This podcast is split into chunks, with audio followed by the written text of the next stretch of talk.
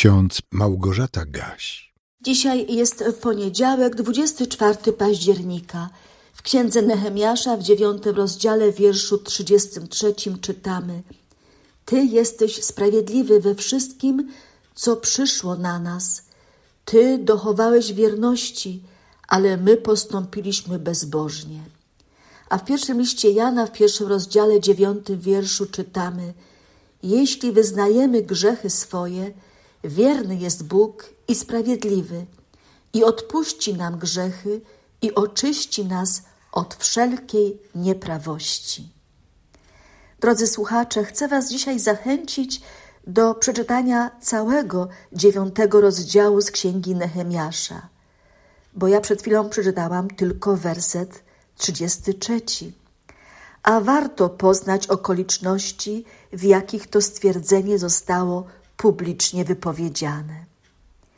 Ja tylko zacytuję ostatni fragment tej długiej modlitwy pokutnej ludu izraelskiego, który po powrocie z niewoli babilońskiej mógł pod wodzą Nehemiasza odbudować mury zniszczonej Jerozolimy. I po raz pierwszy, po bardzo długiej przerwie, obchodzić święto namiotów. I tak w dziewiątym rozdziale Księgi Nehemiasza od 32 wersetu czytamy. Teraz więc Boże nasz, Boże wielki, potężny i straszny, który dotrzymujesz przymierza i łaski, niechaj nie wyda Ci się małym cały ten mozuł, jaki nas spotkał, naszych królów, naszych książąt, kapłanów, naszych proroków i naszych ojców oraz cały lud Twój, od czasów królów asyryjskich aż do dziś dnia.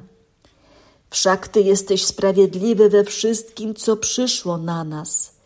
Ty dochowałeś wierności, ale my postąpiliśmy bezbożnie.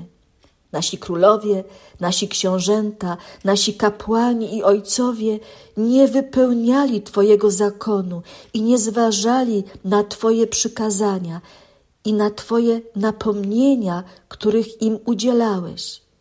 Gdy jeszcze byli w swoim królestwie, mimo obfitych dóbr, które im dałeś, w ziemi rozległej i urodzajnej, którą im dałeś, nie służyli Ci i nie odwrócili się od swoich złych uczynków. Tak wtedy jesteśmy dziś niewolnikami w ziemi, którą dałeś naszym ojcom, aby z jej plonów i dóbr spożywali. Otośmy w niej niewolnikami. Obfite swoje płody przynosi ona królom, których ustanowiłeś nad nami za nasze grzechy.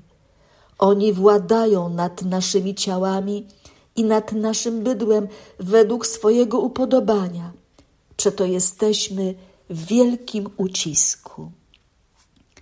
Po tej modlitwie został podpisany dokument odnowionego przymierza, które Bóg zawarł ze swoim ludem na Synaju za pośrednictwem Mojżesza. Ludzie, słuchając praw Bożych, zrozumieli swoje winy, żałowali, pokutowa pokutowali i zapragnęli odnowienia przymierza z Bogiem. I tak się stało. I było to możliwe, ponieważ Bóg jest wierny dotrzymuje swoich obietnic. On doskonale pamięta o swoich przyrzeczeniach danych Abrahamowi, Izaakowi i Jakubowi, patriarchom narodu wybranego, a także o przyrzeczeniach danych ludowi wtedy, gdy zgodził się on na respektowanie Bożych przykazań. Bóg jest wierny. Ludzie nie dochowują wierności Bogu i dlatego muszą ponosić konsekwencje odejścia od Bożych przykazań. Muszą niejednokrotnie być przez Boga ukarani, by znowu chcieli się do Niego nawrócić. Apostoł Jan w swoim pierwszym liście napisał bardzo ważne słowa. Jeśli wyznajemy grzechy swoje, wierny jest Bóg i sprawiedliwy i odpuści nam grzechy i oczyści nas od wszelkiej nieprawości. Bóg jest wierny raz danemu słowu. Bóg jest sprawiedliwy, dlatego nie udaje, że nie widzi naszych grzechów, lecz robi wszystko, by człowieka napomnieć i zachęcić do szczerego wyznania win i chęci poprawy.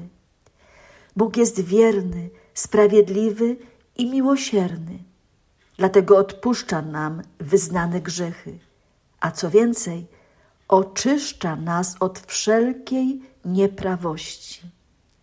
Jako chrześcijanie stajemy się czyści w oczach Boga, ponieważ krew Jezusa Chrystusa, Syna Jego, oczyszcza nas od wszelkiego grzechu. Tak napisał uczeń pański Jan w pierwszym rozdziale swego listu, w pierwszym rozdziale, siódmym wierszu.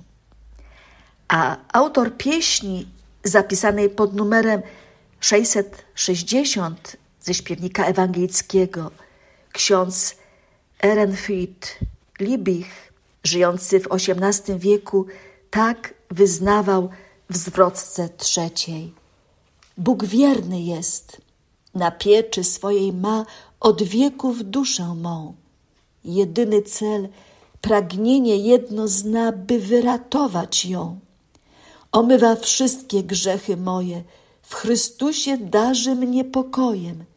Bóg wierny jest, Bóg wierny jest. Na wierność Boga możemy zawsze liczyć, chociaż często postępujemy źle, bezbożnie. On pragnie naszego dobra i zbawienia. On pragnie nas chronić przed różnymi niebezpieczeństwami, jakich wiele w tym świecie. Dlatego rację ma pieśniarz, gdy stwierdza: Bóg wierny jest, w ojcowskim sercu tym nie mieszka fałsz ni kłam. Bóg wierny jest, on w szczęściu w razie złym jest pomocnikiem nam. Padniście wzgórza, runcie góry, pewniejszej nie znam już podpory. Bóg wierny jest, Bóg wierny jest. Bóg wierny jest, ojcowska Jego dłoń bezpiecznie wiedzie mnie. I losu cios mnie woła tylko doń. O Bóg nie myśli źle. Krzyż mi drabiną Jakubową, a w boju siłę zyskam nową. Bóg wierny jest, Bóg wierny jest. Gdybyśmy zawsze pamiętali o wierności Boga, byłoby nam łatwiej iść przez życie, które nie jest usłane różami. A jednak ksiądz Libich w czwartej zwrotce napisał: Bóg wierny jest.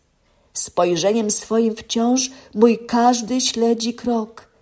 Raduje się, gdy mi choć trochę róż na drogę zesłać mógł. Pomaga ciężkie znosić brzemię, do chwały potem swej nas przyjmie. Bóg wierny jest, Bóg wierny jest. Gdybyśmy zawsze pamiętali o Bożej wierności i sprawiedliwości, bylibyśmy wolni od lęku o swoją przyszłość. Ostatnia zwrotka pieśni 660 brzmi: Bóg wierny jest. W pamięci duszą jej, jak wierny Bóg jest Twój. O, nie puść już ojcowskiej dłoni tej, w pielgrzymce przy nim stój. Chwyć Boga mocno, chwyć we wierze. Pociechy tej nikt nie odbierze. Bóg wierny jest, Bóg wierny jest. Amen.